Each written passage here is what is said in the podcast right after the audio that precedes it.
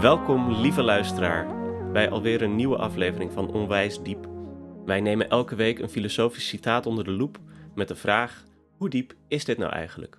En zo proberen wij uit te vogelen wat het citaat zegt, waarom we dat zeggen en misschien ook wel wat dat over ons zegt.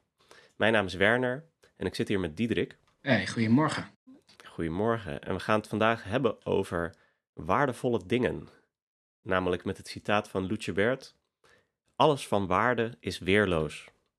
En de aanleiding voor dat eh, citaat is, uh, hè, dat is natuurlijk een dichtregel. Uh, en het is eigenlijk nog maar de vraag of je een dichtregel zomaar filosofisch mag analyseren.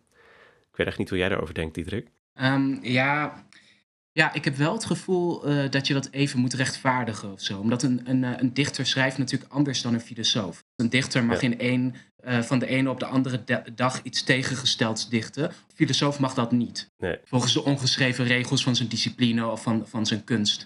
Uh, dus ik zou zeggen, het mag wel, maar je moet wel zeggen, dit is een dichtregel en die gaan wij nu filosofisch onder de loep nemen. Ja, ja precies. Hoeveel ja, en, zijn. En, en, en, en, nou, ik wil die verantwoordelijkheid eigenlijk ook wel afschuiven dus op uh, de maand van de filosofie van 2023. Want het thema daarvan is weerloos en waardevol. En zij hebben dus ook deze term ge, uh, filosofisch geapproprieerd, om het maar zo te zeggen. Dus dan is het hun schuld dat wij het erover hebben. Uh, zij schrijven bijvoorbeeld: uh, De maand van de filosofie 2023 vraagt zich af hoe het weerloze en waardevolle zich kan weren tegen harde cijfers van verdiensten, prestige en succes. En vooral hoe waarde weer zijn waarde krijgt. Eerst zal ik iets vertellen over Luce Bert, denk ik. Uh, want dat is voor mij als filosoof in ieder geval niet een heel bekend figuur. dus wie is Luce Bert? Hij is een dichter en ook een schilder. Blijkbaar zat hij bij de Cobra-beweging ook. En uh, als dichter is hij uh, bekend als een van de vijftigers. En wordt er ook wel de voorman van genoemd. En de vijftigers was een groep dichters in de jaren vijftig... die veel experimenteerden met vorm en inhoud. En dat is eigenlijk ook wel te zien aan dat gedicht. Want het is niet dat het vanzelfsprekend een heel duidelijke boodschap heeft. Dus ik zal het even kort voorlezen. Dus de, de context van het citaat is uit het gedicht van van Lucebert, dat heet De zeer oude zingt. De zeer oude zingt. Er is niet meer bij weinig, nog is er minder. Nog is onzeker wat er was, wat wordt, wordt willoos. Eerst als het is, is het ernst. Het herinnert zich heilloos en blijft eilings. Alles van waarde is weerloos, wordt van aanraakbaarheid rijk en aan alles gelijk als het hart van de tijd, als het hart van de tijd. Nou. Ja, ik heb een beetje opgezocht van waar, wat, wat vinden mensen ervan. dus ik weet van uh, Cornelis Verhoeven, die heeft er een interpretatie aan gegeven waar die zeer oude Parmenides is. Die, gaat, die vertelt over het verloop van de tijd en dat alleen, uh, alleen het, het hart van de tijd, het heden, uh, de, de, moeite waard is, zeg maar. Of dat de herinnering in ieder geval minder zeker is en de toekomstverwachting ook minder zeker is dan het nu. Hè, eerst als het is, is het ernst. Ja. Uh, maar uh, wij gaan het natuurlijk hebben over alles van waarde is weerloos. Want dat is in, sindsdien door heel veel andere, andere instanties, uh, cultuurinstellingen en zo geapproprieerd. Wij zijn niet degene die dit oorspronkelijk uit zijn context hebben gerukt. ja. Disclaimer. Inderdaad. Inderdaad, Diederik. Wij hebben het niet gedaan.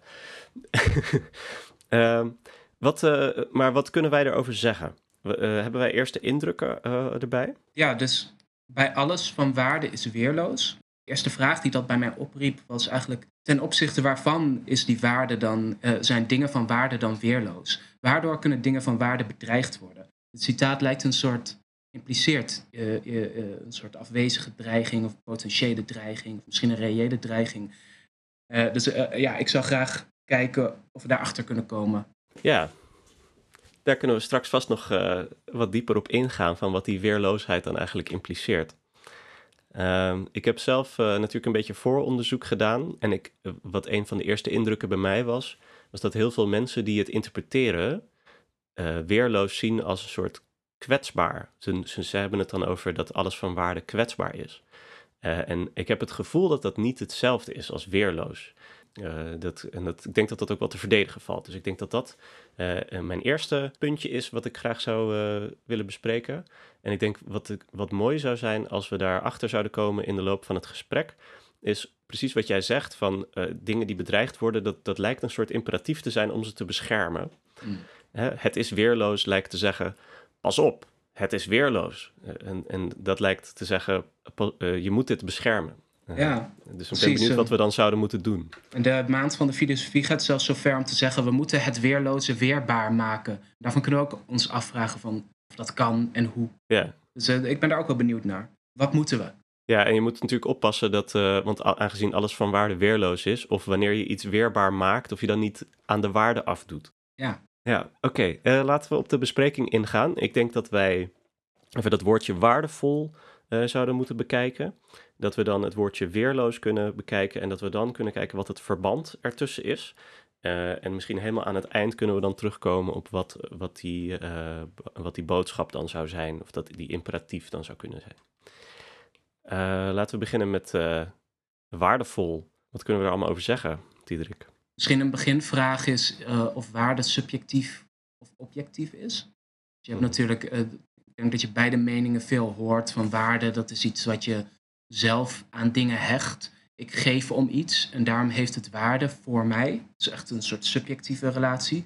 Aan de andere kant, geld is een soort van alomtegenwoordig iets dat een bijna objectieve waarde lijkt te hebben uh, tussen de mensen. Dus, dat werpt meteen een vraag op van waar bevindt waarde zich eigenlijk precies? Hier, in mij of in de wereld? Of, ja. Om, te beginnen met een groot probleem. Moet ik ook antwoord geven of uh, wil jij daar iets over uh, zeggen? ik weet niet. Ja, heb, je, heb je er een antwoord op? Want dat vind ik wel grappig. Nou, ik ben geneigd om wel te zeggen dat waarde, uh, dat is misschien een beetje ingegeven door de economische definitie van waarde, ook deels. om te zeggen, het gaat wel om verlangen, subjectief verlangen, of hechting aan dingen. En die waarde wordt dan ook bepaald door dat, dat waaraan je hecht of dat waarnaar je verlangt dat dat niet onbeperkt is. Dus uh, een schaars goed uh, heeft meer waarde dan een niet schaars goed. Uh, dat is een beetje een, een, een droge definitie, maar misschien wel iets waar we, nou, daar kunnen we misschien wel iets mee. En ik zou dus wel zeggen dat het uiteindelijk terug, altijd terug te herleiden is naar het zelf, naar, naar een persoonlijke relatie tot de dingen. Want ja, want eh, die, uh, toen je schaarste zei, dacht ik meteen inderdaad, nou dan krijg je zo economische modellen van vraag en aanbod. Ja. Uh, en uh, als er weinig aanbod is en de vraag is wel groot, dan neemt de waarde toe, zeg maar, of in ieder geval de, de prijs. En binnen de economie heb je dan ook nog, bijvoorbeeld binnen marxistische theorie, heb je dan nog het verschil tussen gebruikswaarde en ruilwaarde en arbeidswaarde. Marx lijkt nog te zeggen, er is ook iets als een objectieve waarde aan iets, namelijk het aantal uren arbeid dat erin is gestoken. Dus naarmate jij, jouw arbeid is op een bepaalde manier intrinsiek waardevol. Dat is de tijd die jij hebt op deze aarde om dingen mee te doen. En die steek je dan in het maken van bijvoorbeeld een stoel. Uh, en je besteedt er veel aandacht aan, dan is die stoel meer waard dan de stoel die je even snel in elkaar hebt getimmerd.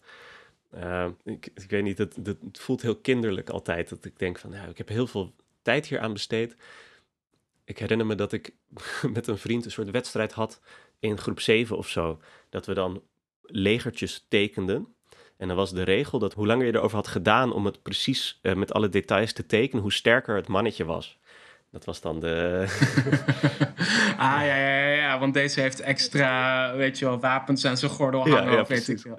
Maar ja, uh, maar ik zit nu ook te denken, want ik, ik heb ook dat gevoel van het klinkt een beetje naïef van uh, we weten inmiddels toch dat de economie niet zo werkt, dat dingen niet intrinsiek waarde hebben. Maar je kan het natuurlijk, als je aan Marx denkt, ook lezen juist als een soort, um, als een soort kritiek daarop. Dat je zegt, nee, dingen zouden de waarde moeten hebben uh, van de arbeid die erin gestoken wordt. Dus als een soort verzet tegen die tegen aandeelhouders. Tegen misschien de wispelturigheid van de mensen. Ja, ja, want de hedendaagse economie zegt, of uh, neoliberale economie zegt in ieder geval de waarde van iets is wat mensen ervoor willen geven. En dan zeg je, uh, een aandeel van Elon Musk was uh, tot een paar jaar geleden in ieder geval heel veel waard. Niet omdat, het, omdat er zoveel werk in zat om dat te maken, maar omdat mensen het graag wilden hebben. Um, ja, maar behalve die economische waarde, jij liet er al eerder iets over vallen, zijn er natuurlijk ook andere soorten dingen waar we waarde aan toekennen. En dat heeft dan niet per se met de ruilwaarde of met de, de objectieve waarde te maken. Uh, maar met die hechting die je hebt, of het verlangen dat je ernaar hebt, of een bepaald soort. Ja. Um, waaruit bestaat die waarde dan? Is, want dat heeft niks te maken met hoeveel geld je ervoor krijgt, maar moet ik dat begrijpen in termen van emoties? Uh, ja, ik, ik denk het wel. Um, ik bedoel, ik heb hier natuurlijk geen, uh, geen, geen hey, antwoord, definitief antwoord op. Maar ik zou wel zeggen waar ik aan denk. Dus in ieder geval bijvoorbeeld liefde, vriendschap, mensen die je graag in de buurt hebt. Misschien ook zelfs wel bepaalde dingen die je graag in de buurt hebt. Niet omdat ze nuttig zijn, uh, niet omdat je er iets anders mee kan. Zoals bijvoorbeeld met geld of met, uh, weet ik veel. dat economische soort waarde. Um, maar um, ja, blijkbaar een soort waarde die je toekent aan iets puur op basis van een gehechtheid. Misschien kun je zeggen omwille van zichzelf. Vraag me daarbij alleen af of dat een definitie is of iets dat je zegt omdat je niet weet hoe je er een definitie van kunt geven. weet je wel? Ja, emotie is toch iets waar je dan al gauw op uitkomt van ja, dat voelt goed. Of uh, dit uh, voelt belangrijk voor mij of dit voelt bijzonder voor mij of zo. Ja, maar zou je ook zeggen dat er iets is aan het ding waar je dat voor voelt? waardoor jij die emotie hebt.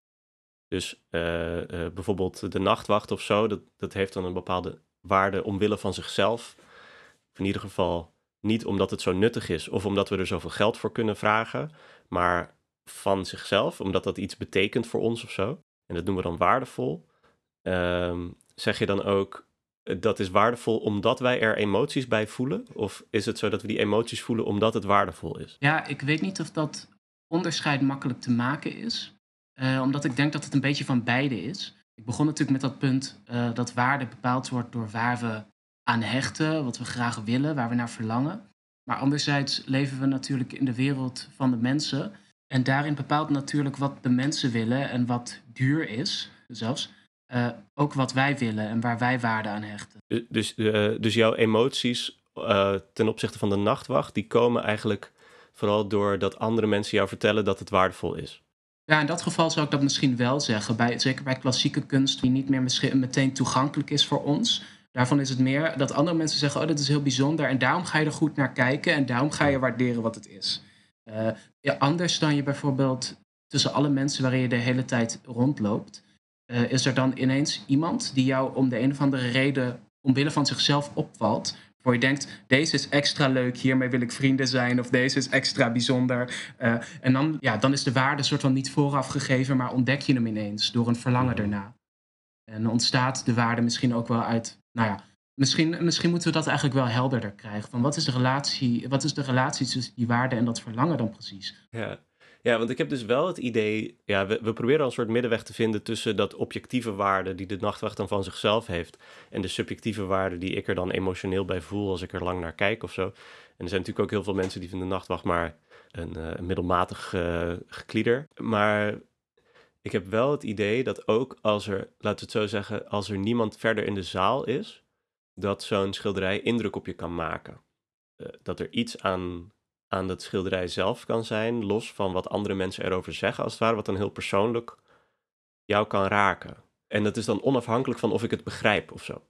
Uh, en of ik, uh, uh, ik weet niet of ik dat emoties of verlangen zou voelen, maar meer zo dat Kantiaanse belangeloosheid van die kant noemt. Van het is mooi omwille van de vorm die het heeft, omwille van zichzelf. Ja, misschien ook dat hij dat op, op basis van wat je zegt, dat het een soort ontzag inboezemt of zo, een soort respect afdwingt. Dat heb je wel eens met een, um, het oorspronkelijke kunstwerk als onderscheiden van de reproductie, het plaatje dat je al heel vaak hebt gezien. Als je er dan voor staat, denk je, oh, dit is wel groot. Weet je, dit komt zo allemaal op je af in de kleur en het is wel intens. En um, weet je, uh, ja, er zijn ook al filosofen, om niet specifiek te gaan name droppen, maar die dat dan beschrijven als een soort aura van een kunstwerk. En dat, uh, ja, zo kun je ook nog denken. En dat lijkt toch ook wel iets objectiefs te hebben. Want het is natuurlijk ook belangrijk dat iets niet alleen maar waarde krijgt als het schaars is. Er zijn ook bijvoorbeeld unieke of schaarse dingen waar niemand waarde aan hecht. Het moet ook wel een eigen eigenschap hebben die maakt dat het bijzonder wordt dat er maar één van is. Ja. en uh, dus uh, het moet ook wel echt zelf iets hebben. Maar dat, ja, ik weet niet zo goed of je dat dan verder nog kunt uitleggen. Of net als van waarom ben jij met je partner? Wat is het nou precies? Wat is het lijstje eigenschappen dat maakt dat je het Weet je, dat dat bijzonder is. Ik weet niet of je daar een antwoord op kunt geven. Nee. Maar het is wel belangrijk voor waarde. Ja, Ja, want je zou toch, je zou dat inderdaad allemaal wel waarde noemen. Nou ja, uh, ja, oké. Tot, tot zover de exploratie van uh, waarde, denk ik. Zullen we eens naar weerloos kijken? Want uh, misschien een goed begin is dat ik bijvoorbeeld in mijn huiswerk hiervoor heb ik gekeken waar het allemaal gezegd en geïnterpreteerd werd. En toevallig zat er in een aflevering van De Slimste Mens eentje, waarbij Lucebert als, als persoon over wie mensen dingen moesten weten langskwam. En toen was dat alles van waarde is weerloos kwam langs. En toen vroeg Philip Frederiks dat aan een van de deelnemers. En die zei toen: Ja, ik geloof wel inderdaad dat dingen van waarde soms kwetsbaar kunnen zijn. En daarmee zei hij dus dat weerloosheid en kwetsbaarheid, dat hij dat als hetzelfde interpreteerde. Terwijl ik het idee heb dat dat niet zo, zo is, omdat, nou, een voorbeeld is bijvoorbeeld een, eh, een boek. Uh, daarin staat dan bijvoorbeeld een argumentatie of een verhaal. En dat kun je vertellen en kun je zelfs helemaal als het ware afbranden.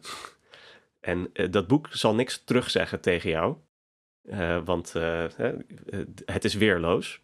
Maar het is niet kwetsbaar. In die zin dat andere mensen dat boek kunnen lezen nog steeds. En kunnen zeggen dat oh, misschien is het wel een belangrijk verhaal. Of misschien is het niet een belangrijk verhaal.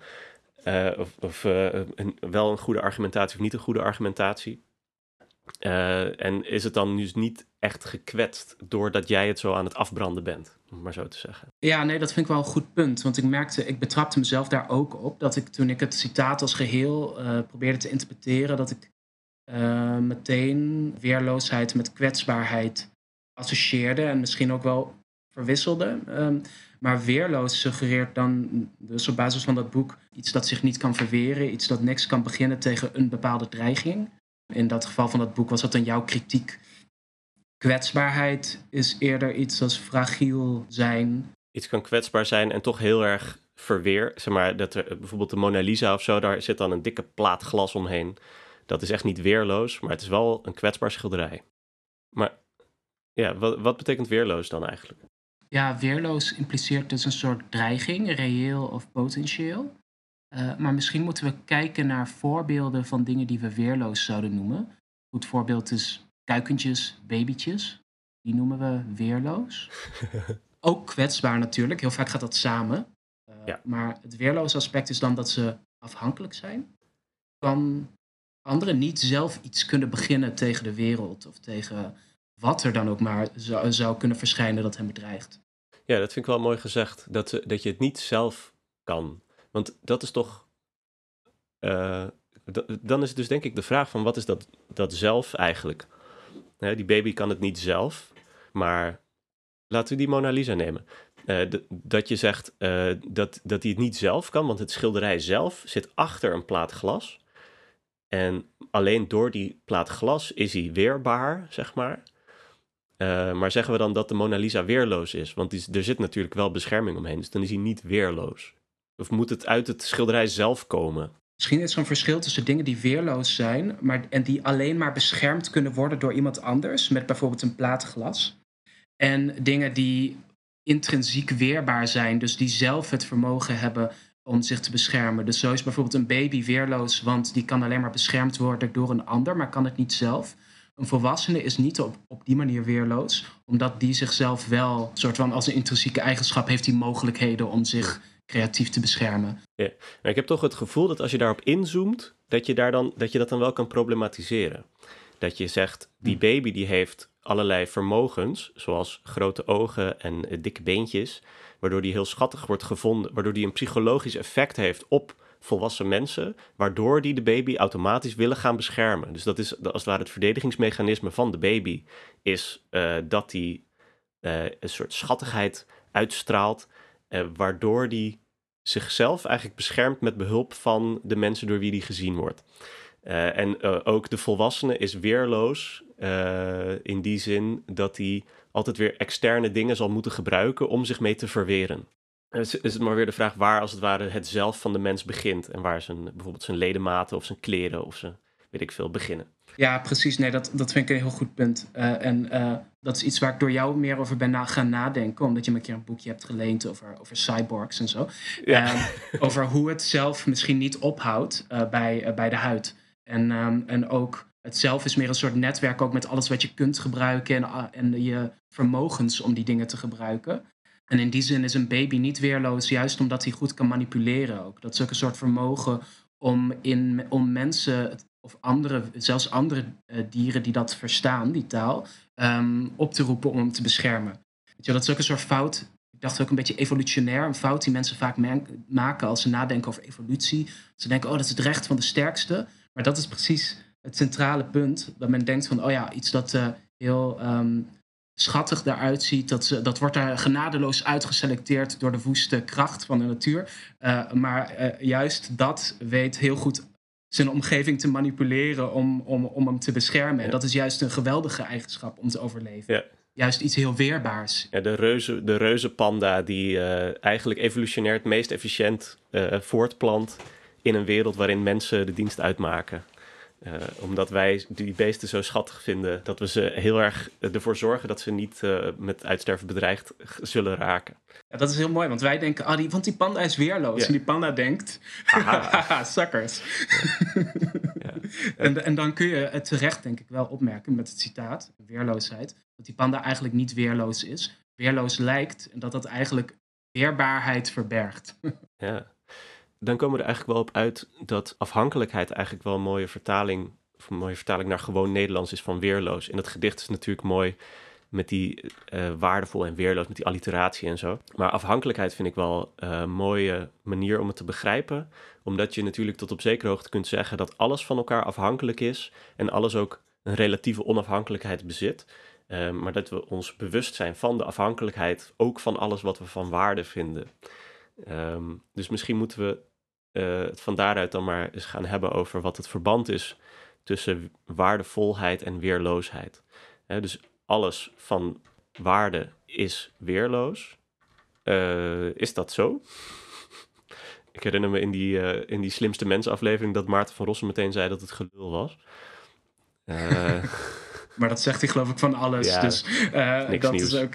maar ja, die vraag stelde ik mezelf natuurlijk ook. Van, en ik kon ook wel dingen bedenken, uh, dingen van waarde die dan ook weerloos zijn. Daar kan ik wel iets mee. Maar ik vroeg me ook wel weer af, is dan echt alles van waarde weerloos? Of kunnen we misschien ook voorbeelden bedenken van uh, dingen van waarde die helemaal niet zo weerloos zijn, of die, um, ja, die weerbaar zijn zelfs? Ik dacht bijvoorbeeld, als je nou een heel goede werknemer bent, uh, met bepaalde vaardigheden, die andere werknemers niet hebben, dan maakt dat jou waardevol in het arbeidsproces of zo, of de werkvloer. En het geeft je ook een soort kracht, een soort uh, ja, een edge, een voordeel ten opzichte van jouw collega's. En ten opzichte van je baas, want die, weet je, die kan jou niet zomaar ontslaan, want hij heeft je nodig. Dus dan heb je toch een soort waarde die, iets wat je echt waarde zou noemen en dat je ook echt weerbaar maakt. Ja. Uh, iets dat je bijna kunt gebruiken als wapen, die waarde als zodanig. Ja, ja. ja, dat je cruciaal bent op de een of andere manier. Uh, maar toch maakt dat je dan weerbaar. Ja, ik zit even te denken aan die. Want als ik het als afhankelijkheid begrijp, dan zeg je dus die waardevolle werknemer. Zou je kunnen zeggen, die is onafhankelijk. Relatief ja, maar natuurlijk niet helemaal. Hij is altijd nog wel afhankelijk van of die baas hem. Hè, of, nou, zeg maar, of het bedrijf überhaupt het goed blijft doen. Uh, of die baas niet een enorme hekel aan hem heeft, die kan hem alsnog ontslaan. Uh, en ook als het hele bedrijf zou verdwijnen, dan zou hij ook niet meer een waardevolle werknemer kunnen zijn. Uh, omdat hij dan in zijn eentje in zijn naki staat, zeg maar.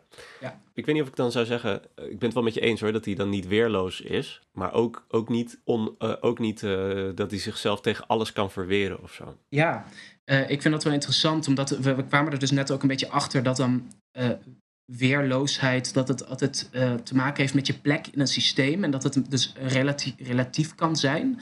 Um, of je plek in de natuur, je plek tussen de mensen. Um, en um, dan kan dit citaat zeggen, uh, wanneer, wanneer de, zegt, alles van waarde is weerloos. Misschien wil hij erop wijzen dat er altijd, dat die context waarin iets waarde heeft, altijd fragiel is. Of altijd, dat de situatie altijd in een opzicht precair blijft. Je kan bijvoorbeeld de waardevolste werknemer van het bedrijf zijn. En dat geeft jou dus een soort, uh, een soort kracht binnen het bedrijf, een invloed. Maar dan komt er een meteoriet en het bedrijf um, um, stort in. En dan is ineens jouw waarde ook verdwenen. Dus waarde heeft ook iets heel. Um, waarde als zodanig heeft iets heel precairs. is afhankelijk van de context waarin het waardevol is. Ja, ik zat even te denken of, of inderdaad uh, de, de dinosaurussen uh, bedrijven zouden hebben. Maar... ja, zag een, een, een brontosaurus type. ja, dus dat is uh, even iets dat, dat, wat, wat me inviel. Ja, want, want, want ik wil het nu wel hebben over wat nou het verband is tussen het een en het andere. Want we hebben nu uh, gezegd van oké, er zijn dingen die van waarde zijn die we relatief weerbaar kunnen noemen. Maar uh, dat, ik denk dat je van alles wel kan zeggen dat het op de een of andere manier weerloos is. En dat alles op de een of andere manier weerbaar is. Is er nou een speciaal verband tussen de waardevolheid van dingen? Zijn, zijn dingen van waarde weerlozer dan andere dingen? Ja, dat weet ik niet zo goed. Mm, het probleem is dat je op, automatisch op zoek gaat, gaat naar dingen die uh, zowel waardevol als weerloos zijn. En dan zeg je, oh ja, dat zal wel verband met elkaar houden. Maar houdt dat, want je hebt natuurlijk, de nachtwacht is dan een voorbeeld van, oké, dat is een schilderij, dat is waardevol en het kan niks beginnen tegen iemand met een mes, weet ik veel. Maar is dat dan weerloos vanwege die waarde? Of um, is het waardevol vanwege die weerloosheid? Want ja, wat ik wel, ik vind het wel een goed punt wat je net maakte van, uh, uh, ja, je kan alles zien als in sommige, zeker wanneer je het zo contextueel bekijkt, alles zien als in, enige, in sommige opzichten weerbaar en, in andere opzichten weerloos, afhankelijk van de relatie en de relatie tot welke dreiging. En dan zie ik het verband niet zo, het noodzakelijke verband niet zo tussen waarde en weerloosheid. Nee, wel een mooie manier om dat misschien te onderzoeken is door het uh, logisch uh, te vertalen naar een. Uh, naar, naar dus, het is, het is een, een, een logische universele uitspraak. Alle dingen van waarde zijn weerloos dan kun je ook zeggen, als het niet weerloos is, dan is het dus ook niet waardevol. Hè? Dus uh, alle dagen dat het regent, zijn de straten nat. Uh, dan kun je niet concluderen dat als de straten nat zijn, dat het dan heeft geregend, maar wel uh, dat als de straten droog zijn, dat het dan niet heeft geregend. Dus als de straten niet nat zijn, dan heeft het niet geregend. Op dezelfde manier, als het niet, als het niet weerloos is, dan is het dus niet waardevol. En volgens mij kun je dan heel snel zeggen dat dat, dat niet klopt. Nou ja, want dan denk je, volgens mij is mijn jij bent een goede vriend van me, jij bent waardevol voor me, maar volgens mij ben je niet weerloos. Of ik, kan, ik, vind het, ik moet echt heel veel gymnastiek uithalen om, om, om dan jou uh, tot iets weerloos om te toveren. Terwijl ik wel zou willen voor, volhouden dat je waarde hebt, zo gezegd. Ja, ja. Ik geloof ook niet dat ik dat helemaal. Ja, behalve dan misschien vanuit een soort metaperspectief dat alle waarde een soort van precair is en vluchtig maar alles is vluchtig en precair. Ik bedoel, dat, dan kun je, weet je, dat is niet iets dat specifiek, niet een manier waarop specifiek waarde weerloos is. Dat is een manier waarop alles weerloos is. Ja, ja dan is het misschien, dan zou je het nog wel, uh, dus dan zeg, zijn we inderdaad, alles is weerloos. Maar bij die dingen van waarde is het belangrijk om dat te beseffen. Dat zou je kunnen zeggen. Hm, Ik weet niet of we dan het verband uh, hebben benoemd, of dat we dan eigenlijk al naar de boodschap uh, toe aan het gaan zijn. Maar in ieder geval, ja, dat, volgens mij hebben we dat verband eigenlijk wel weer leg nu. uh, dus misschien kunnen we dan uh, terug naar wat uh, de maand van de filosofie erover zegt. En dan vragen of dat inderdaad klopt. Want de maand van de filosofie zegt, vraagt zich af hoe het weerloze en waardevolle zich kan weren tegen de harde cijfers van verdiensten, prestige en succes. Die lijkt dus te zeggen dat het waardevolle en die cijfers en, en, en prestige, dat dat tegenover elkaar staat. Dus een soort echte waarde. En dus de waarde die, er, die ze krijgen door cijfers en meetbaarheid. En vooral hoe waarde zijn waarde weer krijgt. Want het lijkt iets, daar zit iets, uh, iets uh, romantisch in. Waar, en daar, daar ben ik ook wel gevoelig voor. Ik denk iedereen tot op zekere hoogte. Dat je denkt, iets heeft van zichzelf waarde. En dan gaan mensen erover zitten rekenen. En dan gaat er iets kapot of zo.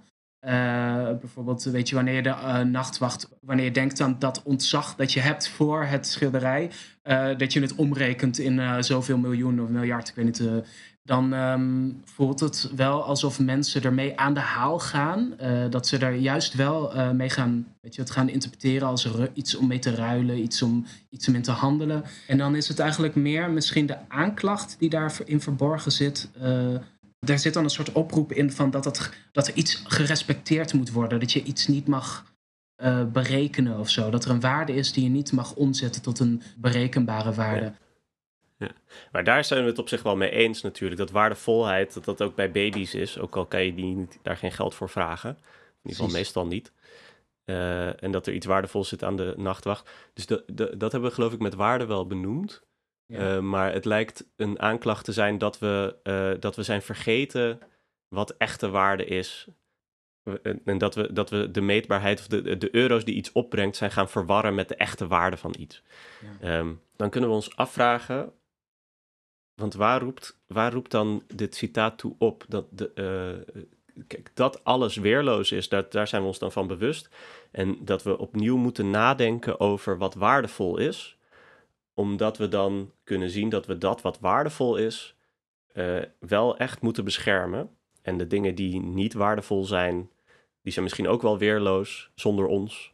Maar die kun je gewoon laten gaan. Dus het, zeg maar, de consumptiegoederen uh, die alleen maar gemaakt zijn en eigenlijk geen enkel nut dienen en alleen maar plastic uh, veroorzaken of zo. Dat is eigenlijk niet waardevol. En dan zijn er ook nog dingen die wel waardevol zijn. Uh, zoals mooie kunst en goede filosofieboeken en vriendschap en zo. En die ehm, moet je niet niet vergeten. Dus dan is het een oproep om opnieuw na te denken over wat waardevol is. Vanuit het besef dat je wat waardevol is, dat dat zichzelf niet redt. Vergeet, ja, vergeet niet, alles is weerloos. Ook dingen van waarde. Dus dat, dat moet je beschermen. Je moet, um, als je daar in, in relatie daartoe passief blijft, dan zal het verloren gaan.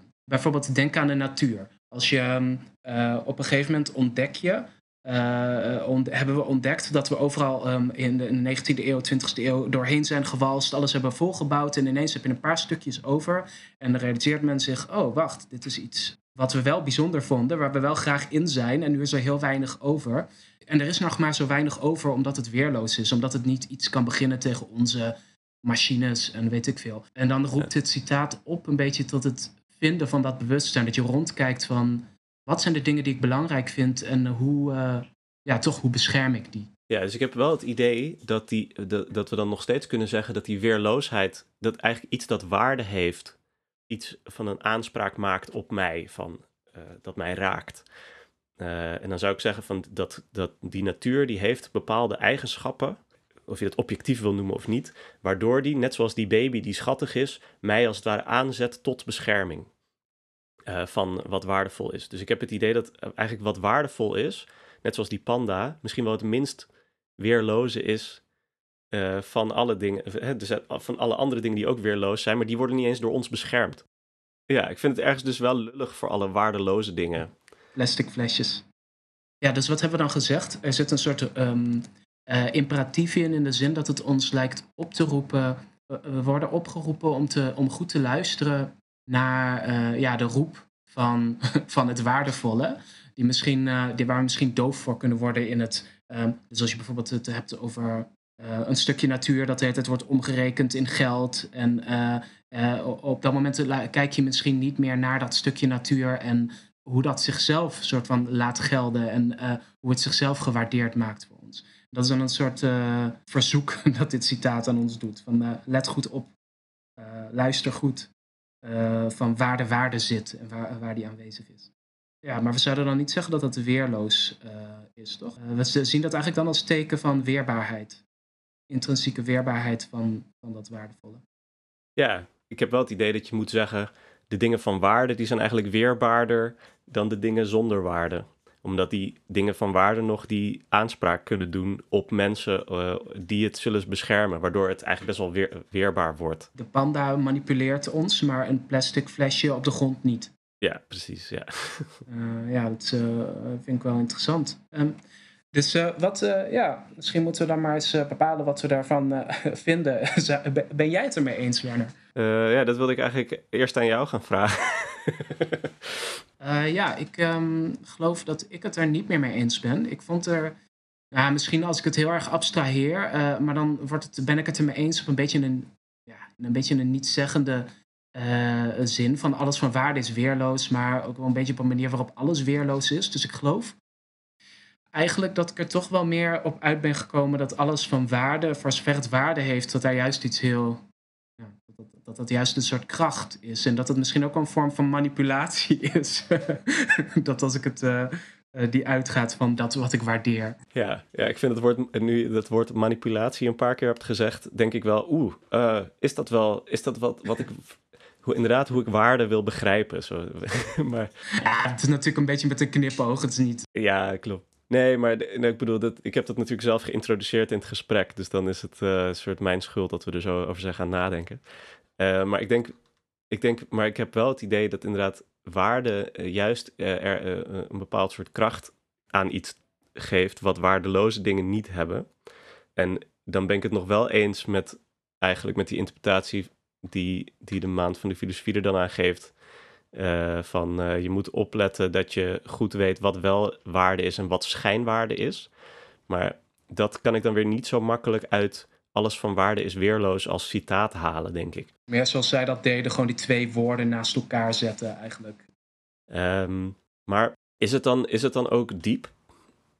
Of, of ondiep, juist? Um, ik geloof dat ik dit wel een diep citaat vind in de zin dat het een... Um, ja, we hebben het natuurlijk, laten we even zeggen, uh, weer even benoemen. Het is natuurlijk een dichtregel die we gebruiken als een soort prompt of een soort uh, aanzet om te filosoferen. En daarin vind ik dat hij zijn werk wel echt doet. Uh, ik heb echt heel veel, heel veel dingen gedacht en, en overpeinst. maar zegt het ook iets? Nou, maar dat vind ik dus meer een kwestie van: ben ik het ermee eens? Nee. maar hoe diep is het? Toch wel diep, omdat het wel mij heeft uitgenodigd om na te denken over die relatie tussen waarde en weerloosheid. En daarmee heb ik ook wel filosofische problemen ontdekt, die, waarvan ik me eerst nog niet helemaal bewust was. Dus ja, ik zou toch wel, ik weet niet of ik het extreem diep vind, maar ik denk wel dat ik neig naar een 7,5. Oh, oké. Ja. ja, ik heb het idee dat wat, wat er aan boodschap uit, uit te halen is, voelt een beetje als alles gaat voorbij. En behoud wat je waardevol vindt of zo. En dat, dat vind ik als boodschap niet, niet zo heel diep. Nou ja, ik, dus ik, ik ben het wel met je eens. Je kunt beoordelen aan. Het is wel namelijk een, een rare zin. Er gaat iets kraken in je hoofd. Ja. Maar vooral van. Volgens mij klopt dat niet. en uh, daardoor kun je er natuurlijk wel over filosoferen, omdat het niet meteen duidelijk wordt wat er, aan, wat er niet aan klopt. Volgens mij hebben we dat wel redelijk eruit gehaald. Uh, dus ik, ik wel complimenten voor de zin als dichterlijke zin. Ik vind hem wel heel mooi. Uh, en hij is ook een beetje raar en prikkelend. Maar ik denk wel dat ik diepte wil beoordelen op wat zegt het over het leven of de wereld.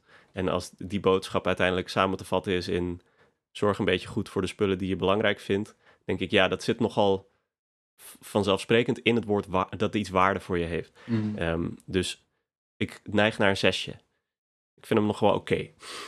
Moeten we dan het gemiddelde nemen? Ik, uh, nee, ik, ik, ik, ik, ga, ik denk dat we het een, een, uh, van, van jou een 6, van mij een 7,5. Goed dan. Nou, uh, mooi. Hebben we dat ook weer gedaan. Oké. Okay. Nou, een leuk gesprek. ook om de maand van de filosofie mee in te gaan, lijkt me. Denk er vooral nog even over na voor jezelf. Of je vindt dat wij slimme dingen hebben gezegd of dat we toch de plank hebben misgeslagen. Dat horen we ook graag.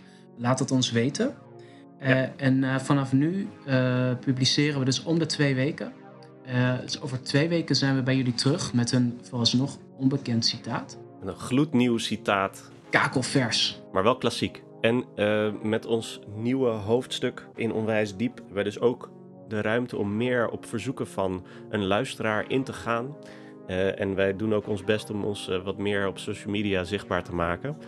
dus hopelijk zie je ons ook binnenkort. Ja, het schijnt dat er ook een, uh, een leuk logo gemaakt wordt. Door, uh, het schijnt door mij. Ja, en uh, tot de volgende keer. Ja, tot over twee weken.